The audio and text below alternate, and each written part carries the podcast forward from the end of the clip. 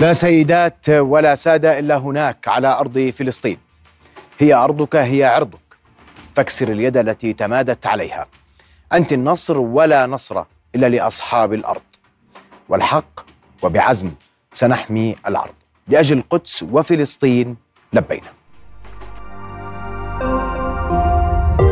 رؤيا بودكاست. أرضا وجوا وبحرا اقتحموا سيطروا أسروا وقلبوا موازين معادلات عسكرية. أفهمنا وأوهمنا أنها لا تنقلب ولا تنكسر. فرسموا وسطروا تاريخا جديدا لفلسطين كل فلسطين.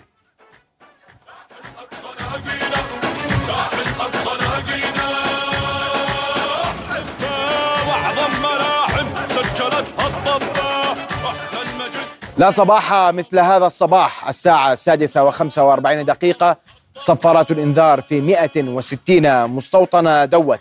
حماس قصفت الآلاف وقصفت آلاف الصواريخ والمقاومون. نفذوا البطولة. طوفان الأقصى ردا على اقتحامات المسجد الأقصى واعتداءات المحتل المستمرة جند الاحتلال الجبان في يد المقاومة ومستوطناته ومواقعه العسكرية هي الآن. في يد المقاومة.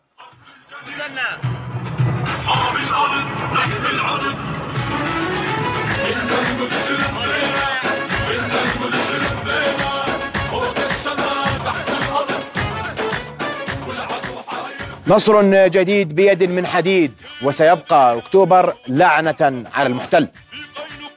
يوم الحرة نادتنا غيرتنا بينا واليهود بتعرفنا. في قينقاع يوم الحرة نادتنا. فقط لنستوضح ما كان في ساعات الصباح الأولى فمنذ ساعات الصباح منذ السادسة وخمسة دقيقة وبعد دوي صافرات الإنذار اقتحم عدد من المقاومين الفلسطينيين مناطق متعددة بمحيط ما يسمى أو ما يعرف بغلاف قطاع غزة. المناطق التي سيطرت عليها المقاومة اليوم امتدت على طول الغلاف ونجح المقاومون في السيطرة على أكثر من سبع مواقع حساسة ورئيسية في هذا الغلاف وأخري الغلاف بكثير من قاطنيه الذين فروا هربا منه. نبين هنا عبر الخارطة أن هذه المرة وصلت هجمات المقاومة حتى منطقة بئر السبع وهي المرة الأولى تصلها المقاومة على أقدامها. إن صح التعبير القصف قصف الصواريخ 2200 صاروخ في الساعة الأولى لحماس قصفت فيها مواقع متعددة وكانت تغطية عسكرية واضحة لعملية الإنزال الجوي والبري والبحري قصفت 2200 صاروخ معظم المناطق المحيطة بقطاع غزة تمهيدا لدخول المقاومين لتلك المناطق.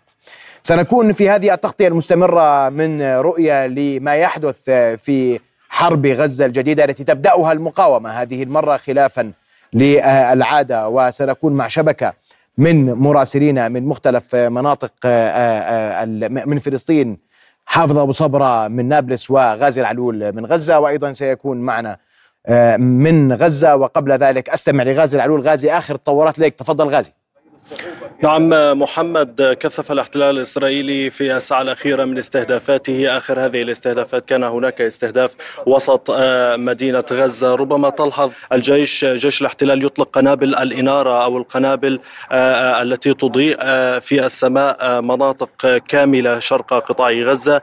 هذه المناطق التي تجري فيها الاشتباكات ونسمع جليا صوت دويص الطلقات النارية الثقيلة الرشاشة وحيث أن الاحتلال والمقاومة الفلسطينية كذلك أكدوا أن اشتباكات ضاريه تدار وتخاض في هذه اللحظات في غلاف غزة في بعض المستوطنات التي سيطرت عليها المقاومة الفلسطينية. تقول الكتائب القسام إنها تسيطر على 21 مستوطنة في غلاف قطاع غزة هي في قبضتها الآن وتخوض الآن معارك ضارية وتحتجز عدد كبير من الرهائن. الرهائن ذلك في إطار العملية العسكرية التي بدأتها بعنوان طوفان الأقصى ويرد الاحتلال الإسرائيلي باستهدافات مكثفة في هذه اللحظات على مدينة غزة في عملية أطلق عليها السيوف الحديدية.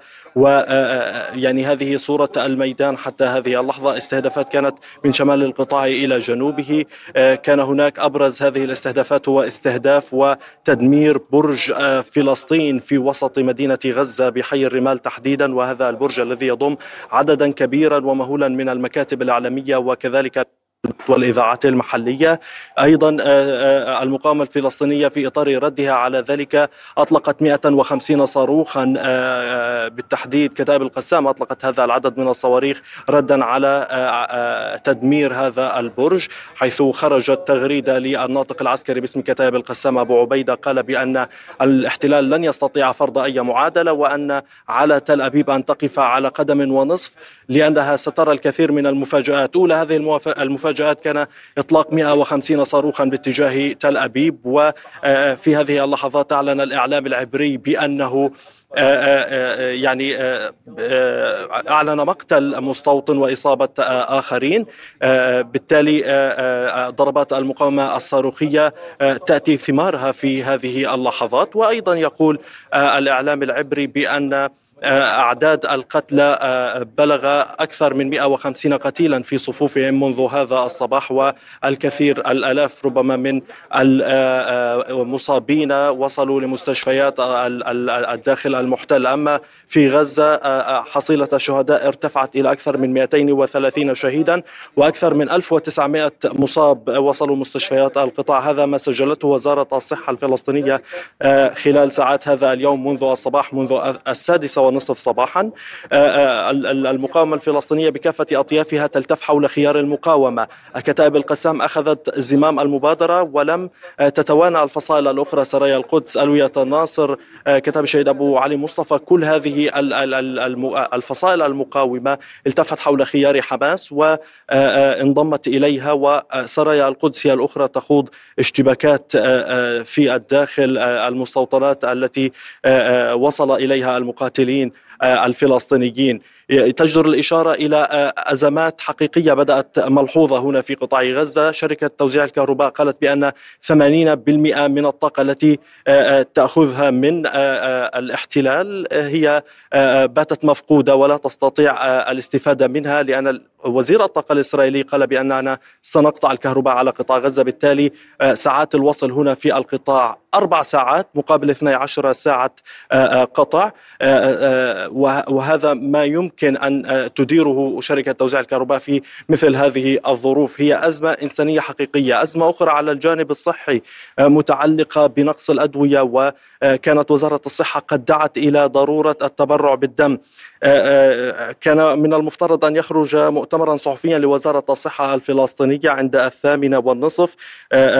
ربما تأخر هذا المؤتمر بعض الشيء ولكن بالتأكيد ستطالب وزارة الصحة الفلسطينية بضرورة تقديم المساعدات العاجلة والمستلزمات الطبية لأن هذه الحرب على ما يبدو أنها ستطول وبالتالي نحن أمام كوارث إنسانية إذا ما استمر هذا طبعا استمرار الحصار واستمرار نعم. عدم إيصال المساعدات والمستلزمات الطبية إلى القطاع. أشكرك غازي أنتقل مباشرة لحافظ أبو صبرة حافظ بهل اختلفت الصورة في الضفة الغربية تفضل حافظ. يعني الضفة الغربية على حالها وهي التي تتسيد المشهد منذ عامين محمد. آه، يعني بدءا من جميل العموري في حزيران من العام قبل الماضي مرورا بكتيبة جنين وكل الشهداء الذين قدمتهم على مذبح الحالة النضالية الجديدة وصولا لعرين الأسود ونابلس وشهداء مخيمات هذه المحافظة. ومن ثم انضم الطباس وأريحة وأذياب المنفردة في القدس وسلفيت ووصولا إلى كتيبتي طول كرم ومخيم نور الشمس الضفة الغربية هي من تسيدت المشهد اليوم. غزة تكمل هذا الدرب إلى جانب الضفة الغربية ما يؤكد على أن الساحات الفلسطينية موحدة في ظل تخوفات إسرائيلية داخلية من أن تنضم من أن تنضم عفوا ساحتي القدس والداخل المحتل ولربما الجبهتين الشمالية وعفوا الجبهة الشمالية عند الحدود السورية والحدود مع لبنان إلى المشهد. وهنا تكون الكارثة بالنسبة للإسرائيليين. الضفة الغربية تشهد في هذه الأثناء مسيرات تتركز في مراكز المدن الفلسطينية هنا في نابلس ولو أننا ابتعدنا قليلا نظرا لضعف إشارة الإنترنت في وسط المدينة يخرج الآلاف من أبناء هذه المدينة ليردوا الدين لغزة التي لطالما خرجت عندما كانت تنادي عرين الأسود الفلسطينيين بالخروج عند منتصف الليل اليوم الفلسطينيون هل هنا هناك نابلس حافز ما صدر عن عرين الأسود بهذا. الخصوص؟ نعم عرين الأسود قالت ظهر اليوم في بيان عبر قناتها على التليجرام أنها أعلنت حالة النفير العام وخرج مقاتليها بعدد أكبر من الذي اعتدنا عليه خلال الأسابيع الأخيرة إلى وسط البلدة القديمة يحملون أسلحتهم في صورة آه، يعني تختلف عن عما اعتدنا عليه بعد ارتقاء قادتها واعتقال آخر قادتها عفوا آه، في آه، آه، نابلس قبل أربعة أسابيع. آه، ليس فقط عرين الأسود محمد حتى كتيبة جنين خاضت اشتباكات على الحدود بين جنين والداخل المحتل عام 48 أكثر من مرة خلال هذا اليوم إضافة لمقاتلي نابلس الذين أطلقوا النار على عدة حواجز في محيط المدينة.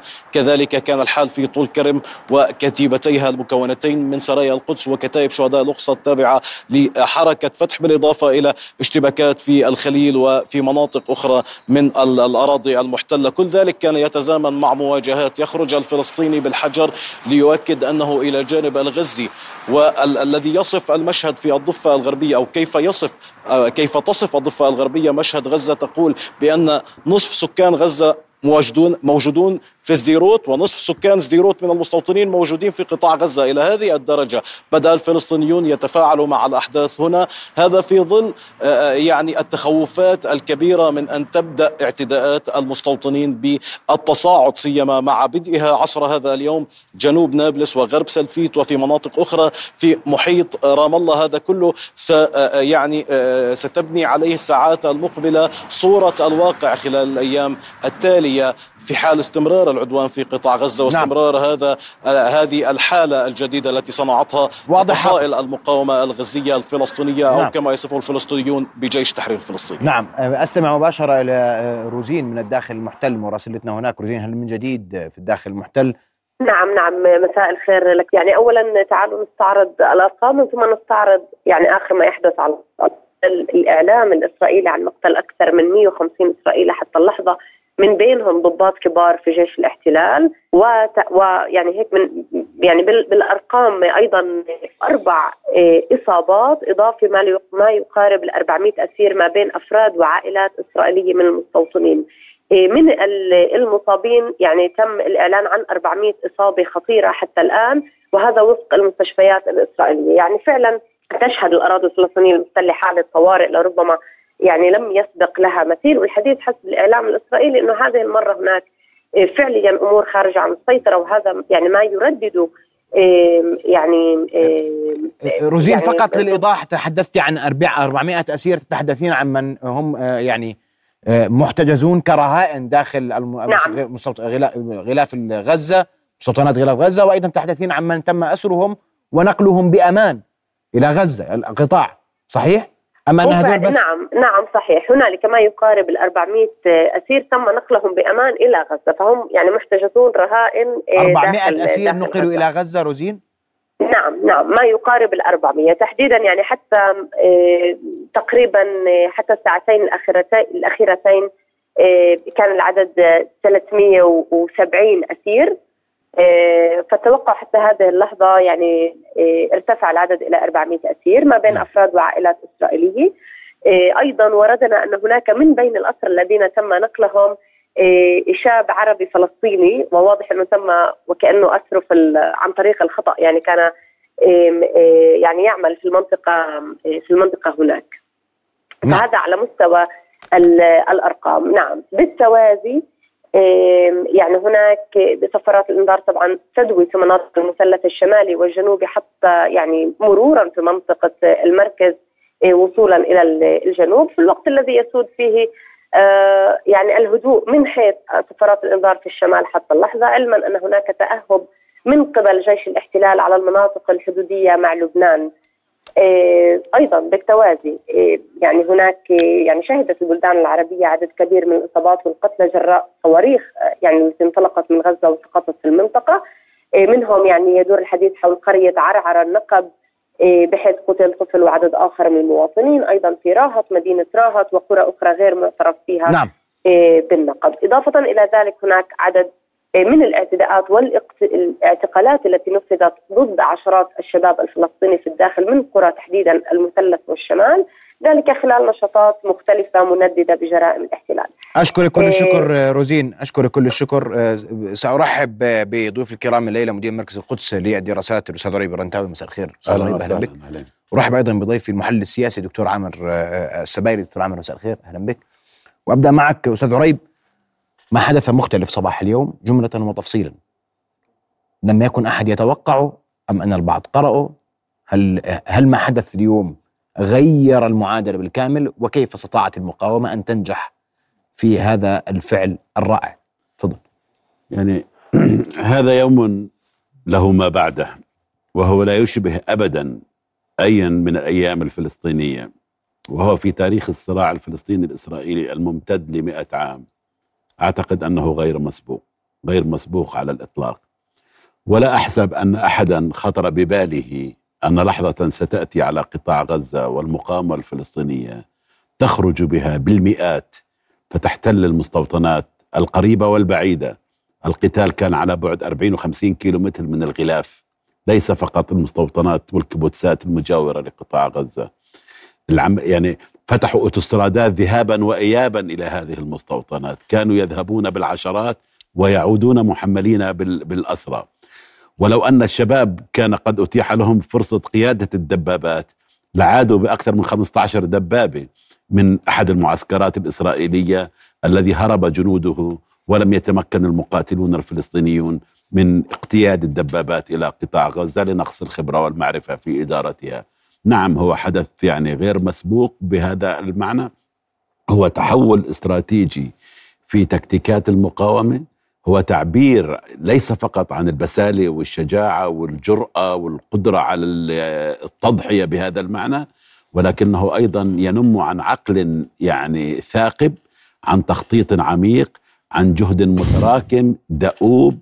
آه الانتصار الأول في هذه المعركة حصل. في الساعات الأولى عنصر المفاجأة هذا انتصار كبير سيطيح برأس مدير الاستخبارات وربما رئيس أركان الجيش الإسرائيلي الانتصار الثاني كان في هذه الحرب الصاروخية المكثفة التي مهدت الاجتياحات البرية الواسعة برا وبحرا وجوا.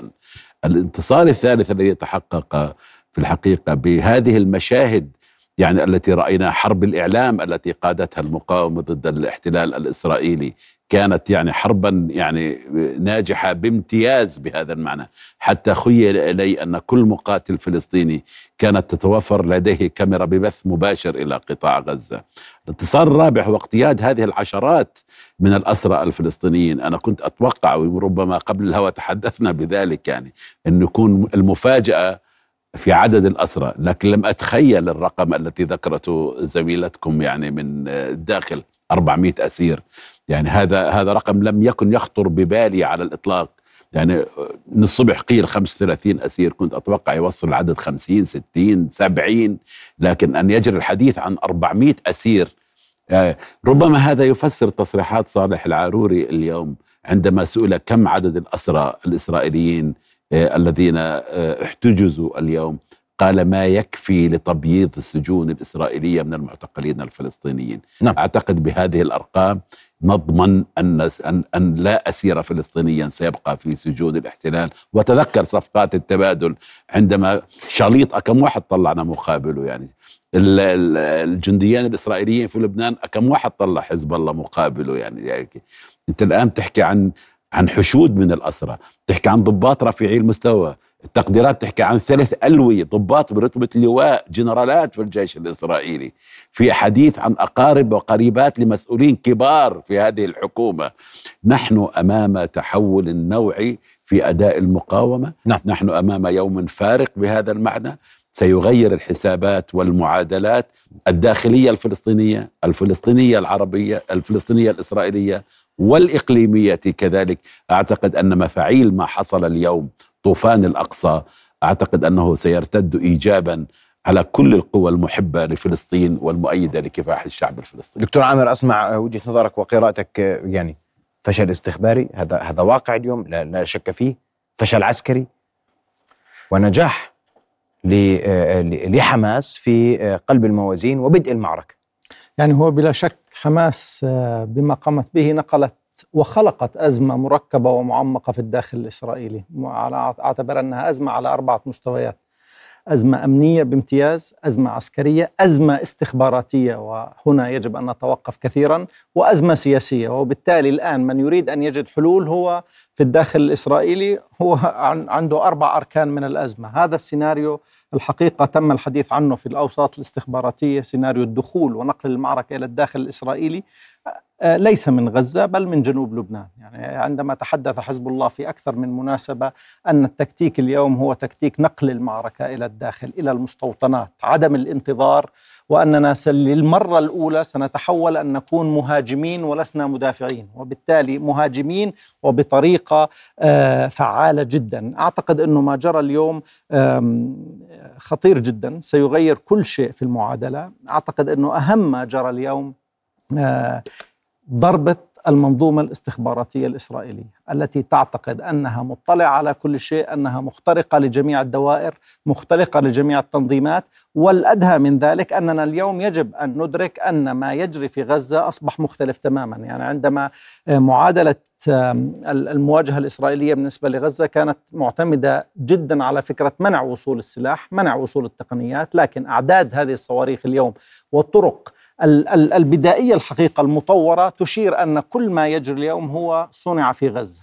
وبالتالي أنت تواجه اليوم شيء لن ينتهي عبر إغلاق غزة أو عبر ضربها. لهذا أعتقد أنه أهم ما نملك اليوم هذه الورقة. الجزء الثاني آه، والأهم أنه آه، منذ معادلة شاليط كان واضح أن الإسرائيلي طبق استراتيجية منع سقوط الأسرى.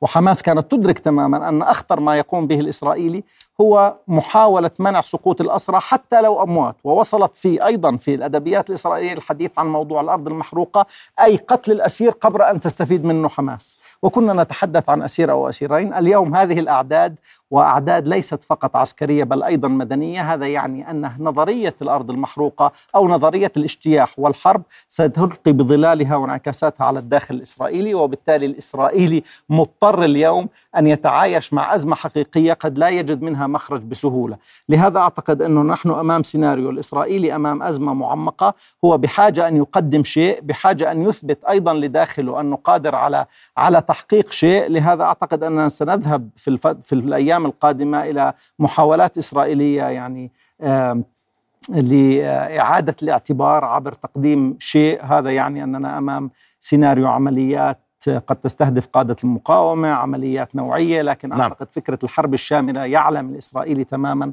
خطورتها قد تكون أمامه ورقة واحدة اليوم هي اللعب على والضغط على الأمريكي بتسويق روايته أن ما يجري هو جزء من مواجهته الإقليمية ويجب أن لا يترك اليوم وحيدا وبالتالي أن يدفع بالولايات المتحدة اليوم لدعمه وتوسيع دائرة هذه المواجهة باعتبار أن مواجهته الحقيقية ليس فقط في غزة ولولا ما يجري في الإقليم لما حدث ما حدث في غزة طيب. اسمحوا لي أه، قبل أن نواصل الحوار أه، ضيفي الكريمين بدي أنتقل مباشرة أه، معنا عبر الهاتف عضو المكتب السياسي لحركة المقاومة الإسلامية حماس محمد نزال. مساء الخير. مساء النور. اولا أستاذ محمد يمسيك بالخير وأنت معنا مباشرة من من قطر. سؤالي الأول سيكون لك حول كيف اختارت حماس هذا الموعد؟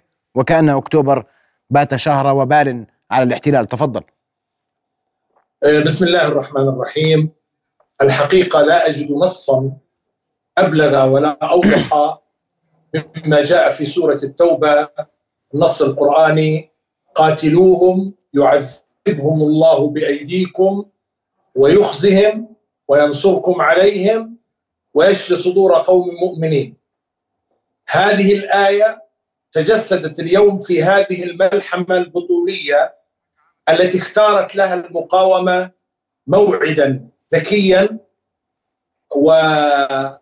ويتمثل في انه جاء بعد يوم واحد فقط من ذكرى 6 آه، أكتوبر تشرين أول الذي يتزامن مع ذكرى حرب أكتوبر المجيد. كما أن هذا اليوم هو يوم عطلة ويوم مقدس آه، عند العدو الصهيوني و بدأت الملحمة في توقيت مباغت الفجر إضافة إلى ذلك أن هناك تكتما شديدا مارسته المقاومة فلم يتسرب أي معلومة عن أن المقاومة تحضر لعملية أو لملحمة أو لاقتحام لمستوطنات غلاف غزة.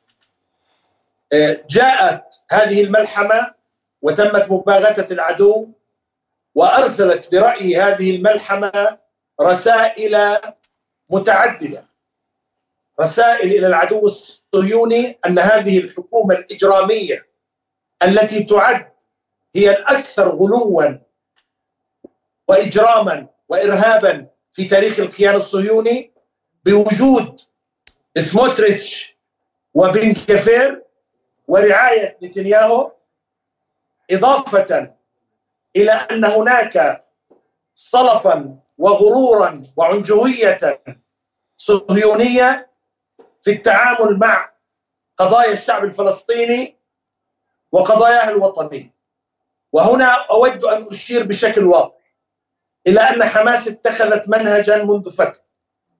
أن الانخراط في أي معركة مع العدو الصهيوني لابد أن يستند إلى عناوين وطنيه العنوان الوطني القدس والأقصى. العنوان الوطني الأسرى. ولهذا جاءت هذه الملحمة وهذه المعركة مستندة إلى هذين العنوانين الوطنيين. المسجد الأقصى والقدس القدس التي هي عاصمة فلسطين الموحدة والأبدية إضافة إلى موضوع الأسرى الذي مضى على آخر صفقة لتبادل الأسرى نحو عقد من الزمان ولم يتم التعاطي بجدية في هذه القضية الوطنية والمقاومة الفلسطينية وفي مقدمتها حركة حماس وعدت بأنها ستبيض السجون. وهذا الوعد لم يكن وعدا آه، ينطلق من مجرد شعار يتم إطلاقه ولكن انطلقت من آه، تنفيذ لهذه الوعود التي وعدت فيها الشعب الفلسطيني. طيب أستاذ محمد اسمح لي. تفضل. تفضل.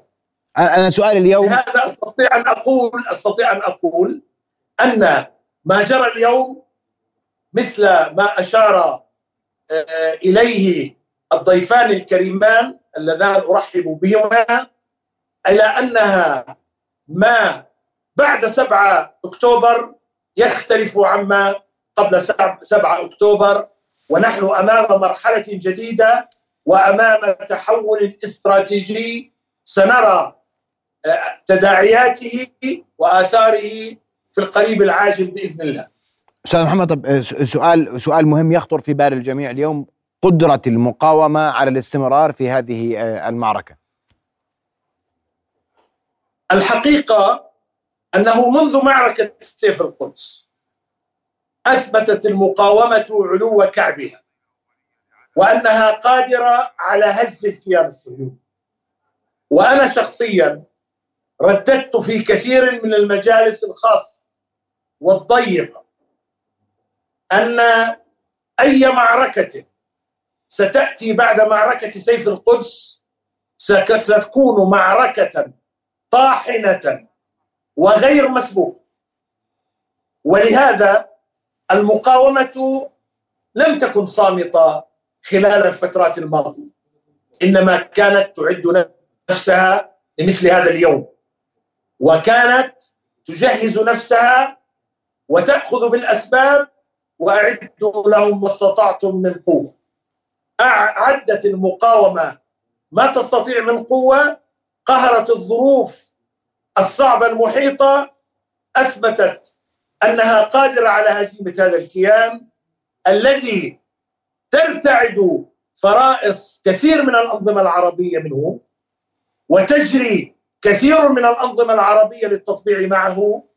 ولكن المقاومة آه، أرسلت رسالة اليوم أن هذا الكيان هو نمر من ورق. ولا أقول هذا استخفافا بقوة العدو. ولا أقول ذلك تجاوزا عن الدعم الذي يلقاه العدو اقليميا ودوليا.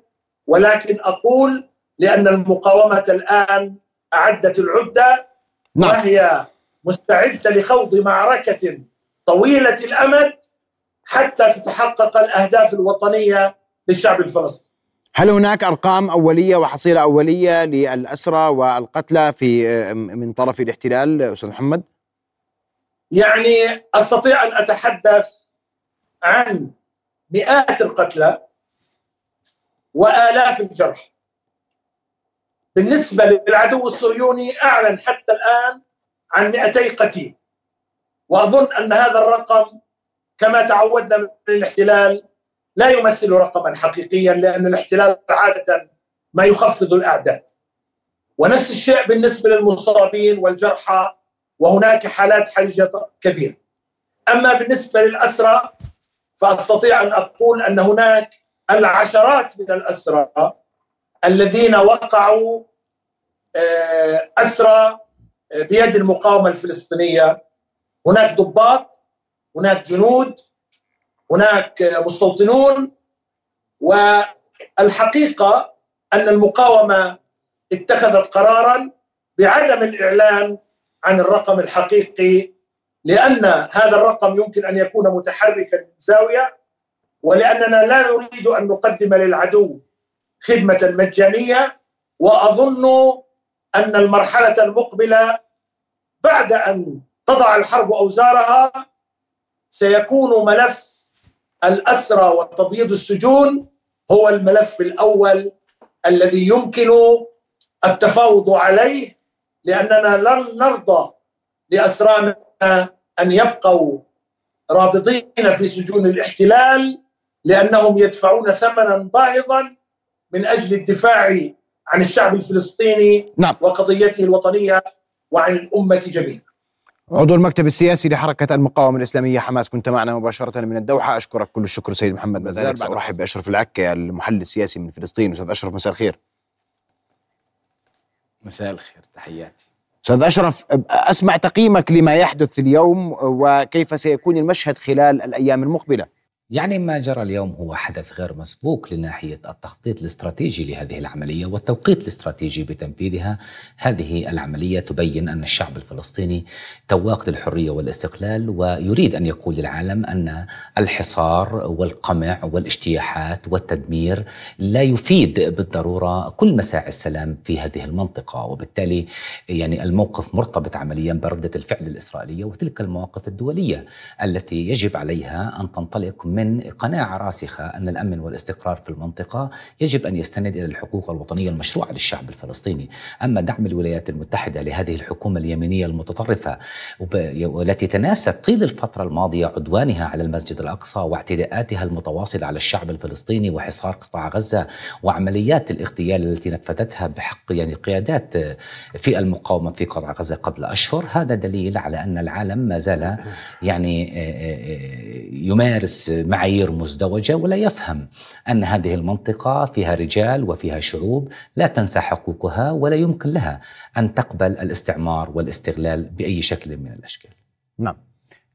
قادم الأيام ماذا سيحمل أستاذ أشرف؟ برأيك؟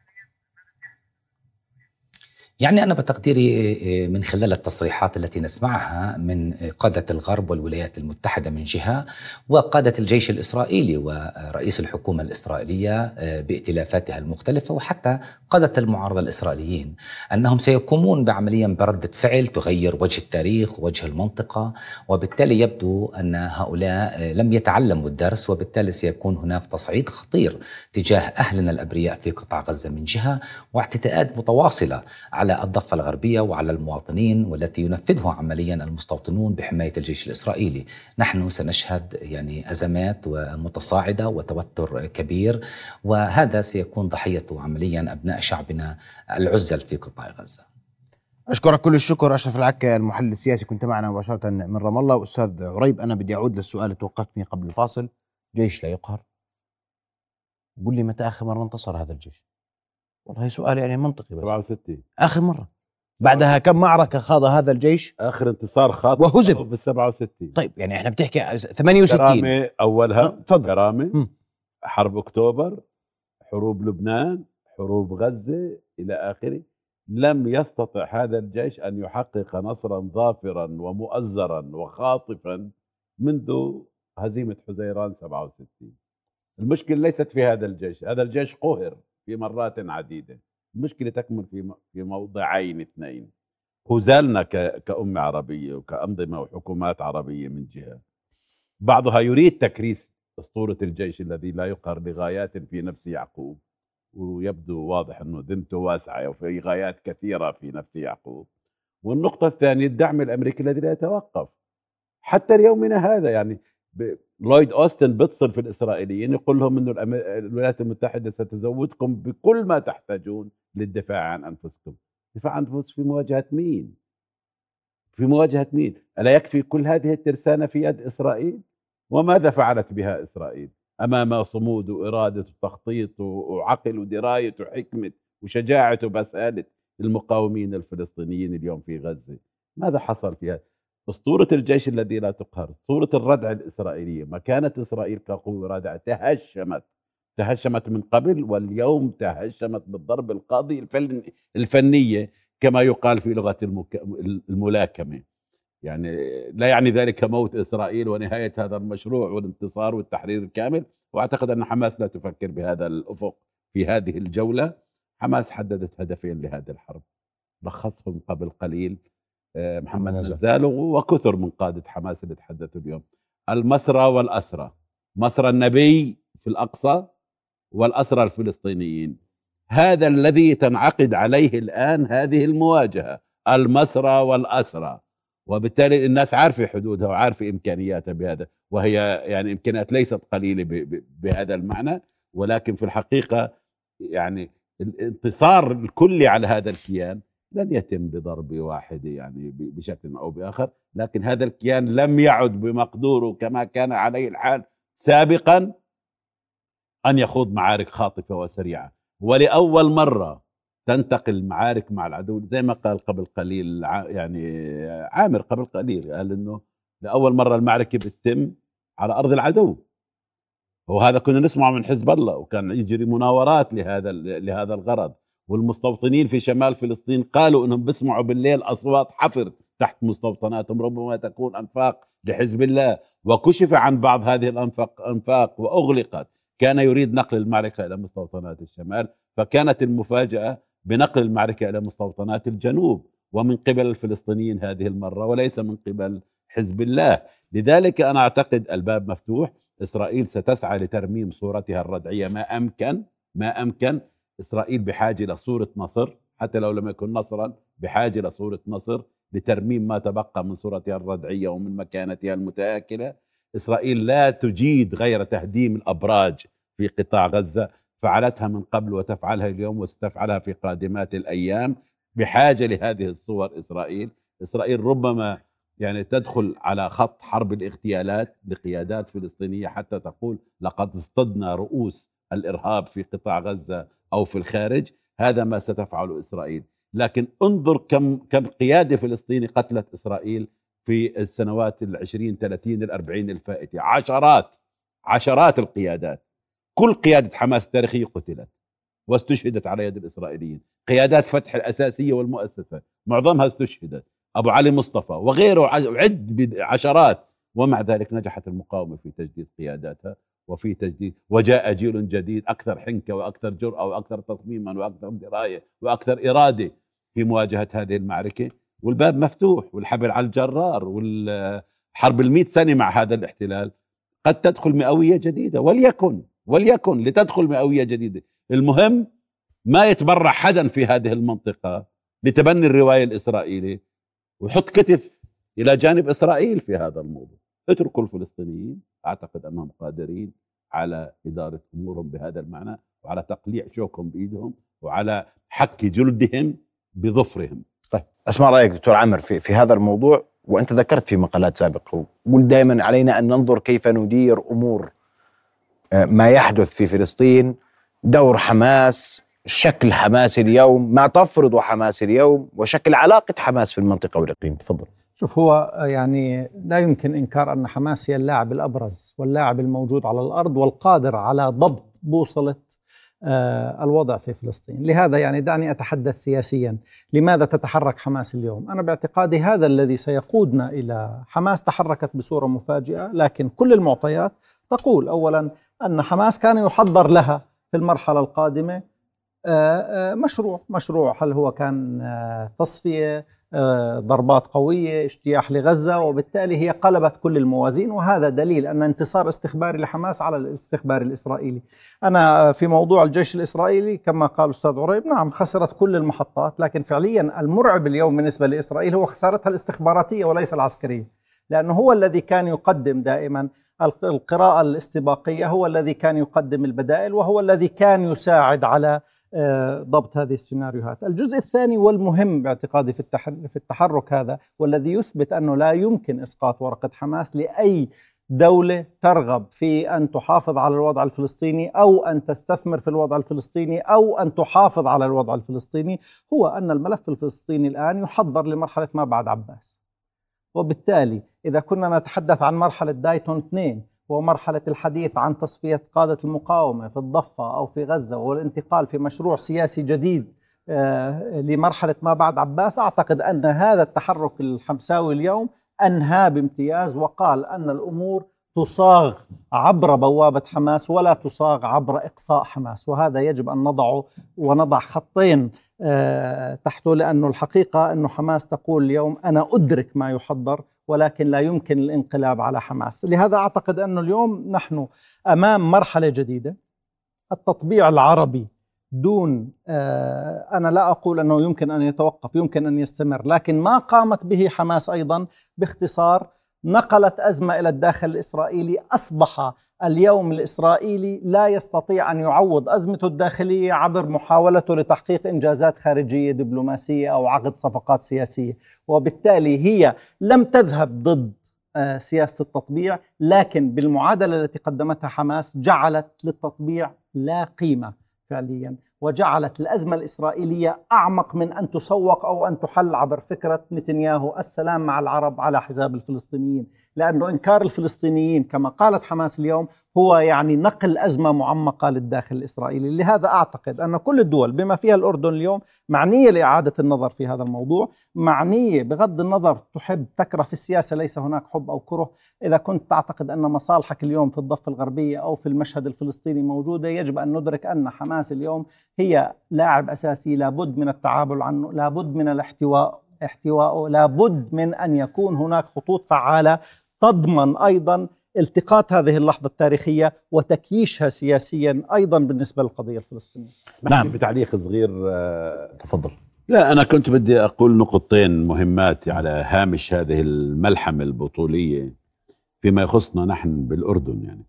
إحنا خطابنا الرسمي الأساسي مبني على فرضية فرضية نقيضة لفرضية نتنياهو أنه لا يمكن القفز عن الفلسطينيين بالباراشوت والذهاب إلى سلام عربي إسرائيلي وبعدين بنرجع للفلسطينيين. وهذا حكى عنه الملك في نيويورك وفي مؤتمر المونيتور والى آخره وبالتعابير المستخدم. اللي اللي عملته حماس اليوم هو خير دليل على صحة هذه النظرية. هي أكبر طعنه لنظرية نتنياهو إنه بالإمكان القفز على الفلسطينيين الفلسطينيين طرف هامشي هيك وبالتالي خلونا نذهب للسلام مع الدول العربية بالذات الكبرى. ودرة التاج في هذا المسار المملكة العربية السعودية. وبعدين الفلسطينيين بيجوا تحصيل حاصل بهذا المعنى. هاي النظرية الأردن بيعتبرها موجهة ضد الفلسطينيين وضده بهذا المعنى. وبيعتبرها موجهة ضده أيضا بهذا المعنى. ولها علاقة بدوره وتهميش دوره وغير ذلك. الآن في قوة بتقلب المعادلة وبتوجه طعنة نجلاء لنظرية نتنياهو. وبتدعم موقفنا في هذا المجال. النقطة الثانية الأقصى. والرعاية الهاشمية. قلنا هذه المعركة عنوانها المسرى والأسرى وطول كل خطابنا مبني على فرضية أنه هاي الانتهاكات ستقود المنطقة إلى أزمات لها أول وليس لها آخر وحرب دينية وحالة من عدم الاستقرار. الآن حماس تيجي بتقول في هاي المعركة إنه الانتهاكات المتكررة للمسجد الأقصى هي الدافع وراء هذه المعركة. على الأقل هذا خطابها العلني هيك طب أنا ممكن هذا الكلام يخدم روايتي. ألم نقل لكم إنه هاي التعديات هذه الانتهاكات لن تمر مرور الكرام وإنه ستثير حالة من الغضب؟ وهي أثارت ال- ال- ال- الحالة من من أجمل وأوسع أبوابها. يعني يعني باللي عم بيحصل اليوم في قطاع غزة. فأنا بعتقد إنه العقل السياسي الأردني يجب أن يعيد النظر في بعض علاقاتنا على أدائنا على الساحة الفلسطينية.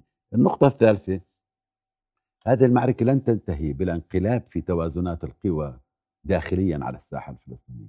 هي أصلا منقلبة من زمان يعني والسلطة في حالة ضعيفة والرئاسة في حالة ضعيفة واستطلاعات الرأي الله لا يوريك يعني شيء المتعاقبة واللي بتصدر عن أكثر من جهة في فلسطين. ما بالك إيه، كيف بتتخيل مكانة حماس في أوساط الشعب الفلسطيني؟ يعني بعد هذه المعركة. كيف تخيل توازنات القوى في الشارع الفلسطيني بعد هذه المعركة؟ وين العنوان الفلسطيني بعد هذه المعركة؟ هذه أسئلة مهمة. هذه أسئلة مهمة وبالتالي بتستدعي من منا إنه إعادة تفكير. إحنا لنا سنوات بنطالب بتنويع علاقاتنا مع الكل الفلسطيني وعدم وضع كل البيض في سلة واحدة. إن سنين بنحكي في هذا الموضوع. وأثبتت الأحداث الماضية صحة هذا التوجه. والآن أنا بعتقد قطعت جهيزة قول كل خطيب بعد هذه المعركة. أعتقد أنه آن الأوان لتفكير من خارج الصندوق في أدائنا فلسطينيا في هذا المجال. وأنا بدي أسمع ردك دكتور أو تعقيبك دكتور عامر على قضية مهمة جدا وهي موضوع العدد ال- الآن يرتفع لقتلى الاحتلال ل 250 والعدد مرجح أن يزداد لانهم اليوم في ثلاث مناطق لسه ما دخلوها ما بيعرفوش شو فيها أساسا. وهنا كيف يتم التعامل؟ الاحتلال لم يدفع هذه الكلفة منذ زمن طويل جدا. يدفعها ابدا. مم. ابدا في هذا الصراع. بعدين هو يعلم تماما إنه خسارة خصوصا اليوم في الوضع الإسرائيلي، الوضع الإسرائيلي اليوم هش جدا، هناك يعني لا مفهوم الدولة الإسرائيلية اليوم ضمن يخضع أصبح لضمن المنافسات والمناكفات السياسية، وبالتالي اليوم أن تدفع ثمن هذا العدد باعتقادي هذا سيؤدي إلى أزمة سياسية مركبة ومعمقة في الداخل الإسرائيلي. لم يواجهها ابدا. دائما فكرة حياة الإسرائيلي هي تسوق أنها ثمينة جدا بالنسبة للدولة الإسرائيلية وبالتالي ما جرى اليوم هو لن ينتهي دون إحداث يعني أبعاد حقيقية سواء على المستوى السياسي أو على المستوى الرسمي في الداخل الإسرائيلي. عداك على فكرة التي تسوق اليوم أنه عدم وجود أمان في الداخل الإسرائيلي وهذا بحد ذاته بحاجة إلى سنوات. تتذكر يعني نحن الإسرائيلي ذهب إلى كل الاتفاقيات مرغما. الانتفاضة أجبرته للذهاب آه، أو إعطاء شيء آه، في أوسلو. ومن ثم ذهبنا يعني بعد في بداية الألفية الثانية في العمليات الإستشهادية التي كانت تحدث التي أخضعت الإسرائيلي لنوع من أنواع التفاهم. هذا الحدث اليوم يفوق ويتفوق على كل ما جرى سابقا ليس فقط بالكلفة البشرية التي يدفعها بل على انهيار المنظومة الأمنية وعدم ثقة أي إسرائيلي اليوم بمنظومته الأمنية. وبالتالي هذا يعني لم تواجهه إسرائيل تاريخيا لم تواجه فكرة أنها غير قادرة على حماية مواطنيها في أراضيها. الإسرائيلي يعمل على مدار الساعة على حماية مصالح الإسرائيليين في العالم. فما بالك أن ما حدث اليوم هو آه، أن الإسرائيليين يفقدوا عامل الأمن في أماكنهم وفي بيوتهم. أعتقد نحن أمام نعم. مشهد سيكون خطير جدا تداعياته على كل من المستويات سيعيد المستوطنين في مستوطنات الغلاف إلى بيوتهم؟ هذا سؤال مهم اليوم. بعد الذي جرى. بعد ال- ال- الركض الرجعي كيف تقنعهم؟ قرعت الأبواب فإذا الواقفين على الباب مقاتلي حماس. فتحوا النوافذ فإذا بمقاتلي حماس يتجولون في شوارع المستوطنات. حتى كابوس لم يكن من سيعيدهم. إلى مستوطناتهم؟ هذه نقطة أنا أعتقد سؤال كبير. حرب أكتوبر أستاذ محمد انتهت تشكيل لجنة أجرانات تقصير إذا متذكرين أو قراتوا عن هذا الموضوع. وأطيحت برموز وهياكل وأطر. أنا بعتقد التقصير في هذه المعركة سيطيح بدءا رئيس الاستخبارات ورئيس الأركان والحكومة الإسرائيلية الحالية. والتفاعل الآن ليس في في في لحظة القتال سيحدث ذلك لكن بعد أن تهدأ المدافع بعد أن تصمت المدافع سيأتي يوم الحساب لهذه الطبقة السياسية والأمنية والعسكرية الإسرائيلية الحاكمة مئة بالمئة وخصوصا الموضوع الاستخباري الموضوع الاستخباري بحد ذاته هو الكابوس الأكبر فضيحة. اليوم فضل. لأنه لم لا أحد يتوقع يعني يعني بغض النظر الكل كان عنده كنا بقول لك بشريحة بسمعونا كلنا شو بنحكي. وكانوا يع- وكان الاسرائيلي يعرف كل شيء مطلع على سوبرمان. هذا إحنا خلقنا هاي الأسطورة يا رجل إحنا اللي خلقنا هاي الأسطورة. إحنا اللي خلقنا هذه الأسطورة لأنه حكوماتنا بتخاف من شعوبها. بدهاش شعوبها تقتنع انه إنه هزيمة إسرائيل امرا ممكنا. مليونين واحد في غزة بحصار 17 ثانية هزموا إسرائيل ويهزم إسرائيل. حزب الله طلعهم من من, من جنوب لبنان بلا قيد ولا شرط. هذا فال عاطل بالنسبة لكثير من الحكومات. لذلك تكريس صورة الجيش الذي لا يقهر والإسرائيلي السوبرمان ليس فقط مصلحة إسرائيلية وإنما مصلحة الكثير من الأنظمة والحكومات العربية في هذا المجال لهذا أعتقد أن الإسرائيلي سيركز اليوم على إعادة اعتباره عبر إعادة المنظومه الاستخبارية وبالتالي القيام بعمليات نوعية اغتيال. استخباراتية اغتيالات. يعني اليوم أنت ذكرت المستهدف هي قيادة حماس وال- والصف ليس الأول من قيادة حماس. ما- هو ال- ال- البحث عن أي انتصار معنوي يقول أنني حققته وخصوصا أن حماس اليوم يعني في موضوع الإعلام فاجأت الإسرائيلي بقدر ما فاجأته على الأرض. إيه. فيديوهات محضرة اتصال تواصل انتشار. لم يعد بث في العالم اليوم لا. يتحدث ولا يتناقل هذه الفيديوهات. هذا لم يكن موجود. إسرائيل استفادت دائما من قدرتها على التغطية الإعلامية وعلى السيطرة على ما يخرج من الحروب على الرواية التي تسوقها. اليوم هذه الرواية موجوده أعطيني رواية إسرائيلية لما حدث لم اليوم. يكن إلى الآن. ما في. لم يكن في تاريخ المعارك الفلسطينية الإسرائيلية حالة صمت. تصيب المستوى السياسي والأمني والعسكري في إسرائيل لمدة ست ساعات من الحرب إلى الآن ست ساعات طلع نتنياهو بتصريح مقتضب أنها الحرب وأننا سننتصر غير هيك ما في هم لم لم يكونوا على علم بكل ما لم يتحدث شيء. وهم الآن إع- ليسوا- إعلام حماس نجح هذه نعم، المرة وكل نعم. مرة إحنا انتصروا نستخدم بالمعركة معلومة من الإعلامية. الاحتلال انتصروا الإعلام. مضبوط مضبوط بطريقة تشير أن هذه عملية معقدة عسكرية إعلامية ذات طابع سيكولوجي وذات طابع أيضا مجتمعي يعني تستعيد ثقة الفلسطينيين؟ في صدقية عامر في جداً. في الخطاب الفلسطيني هذه المرة. يعني بالصورة. الفلسطينيين تعودوا على المبالغات والكلام والعرج. تعودوا على هذا الكلام يا شيخ. المرة هاي ما في الصور هي اللي بتحكي. الصور هي اللي بتحكي. حماس تكتفي بالصور نعم. يعني الصور فقط فيديو لمقاتل مقتحم مستوطنه بنبث مباشرة وبتعيد بثه على المواقع. بتنتهي القصة. هاي الرواية هاي الرواية. هذا لم يحدث. وقاطنو المستوطنات آه، ساهموا في دب الرعب ساهموا من حالة لأول مرة في تاريخ الصراع العربي. كنا نهزم بالإشاعات. كنا نهزم بالإشاعات. في 48 بعد المجازر فرغت كثير من القرى العربية بفعل الشائعات. وإلى آخره بهذا المعنى. وأدخلوا الرعب في صفوفنا. اليوم ولا شائعة انتشرت في الأوساط الفلسطينية. الشائعات كانت في الأوساط الإسرائيلية.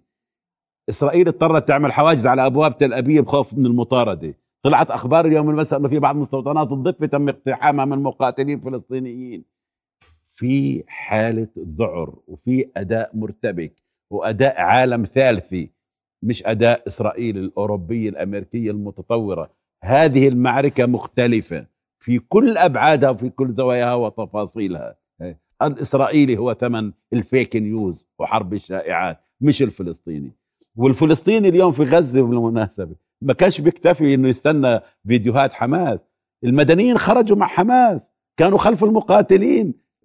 لما لما اخترقوا السياج ولما راحوا على المستوطنات. وهذا بفسر ليش ارتفاع عدد ضحايا الفلسطينيين في الغارات الإسرائيلية. منتشرين في محيط قطاع غزة في جرأة وفي شجاعة وفي ثقة وفي إيمان وفي رغبة. وأعتقد إدارة المفاجأة لدى حماس يعني إدارة فكرة المفاجأة اليوم شلت الرؤية الإسرائيلية لكيفية التعاطي إلى الآن لأنه أنت تعتقد اليوم أن إن الحماس تحضر لك مفاجآت في كل خطواتك القادمة وبالتالي حتى أي خطوة اليوم قد يكون خلف الجدار مفاجأة جديدة لأنه فكرة إدارة المفاجأة التي قامت فيها حماس بهذه الطريقة كويس. جعلت الإسرائيلي اليوم في حالة تأهب في حالة صدمة وهذا ما يفسر لك إنه إلى الآن ليس هناك رد إسرائيلي واضح لا على المستوى الرسمي ولا على المستوى العملياتي أو الإجرائي.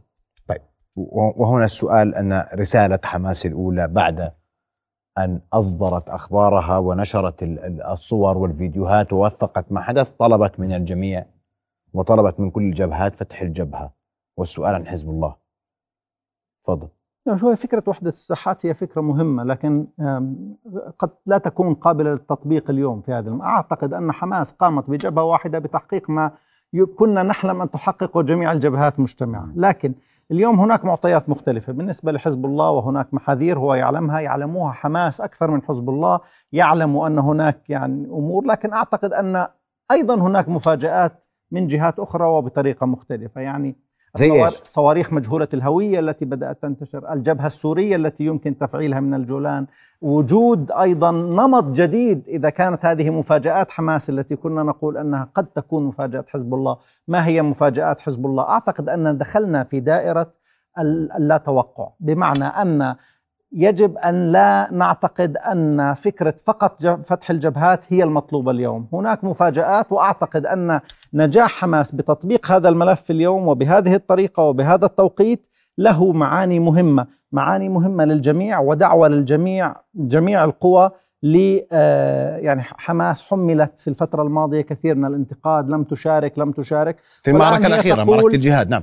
ولم يصدر عنها أي شيء. هي اليوم ردت على الجميع بأن الصمت في تلك الفترة كان له معنى ومغزى.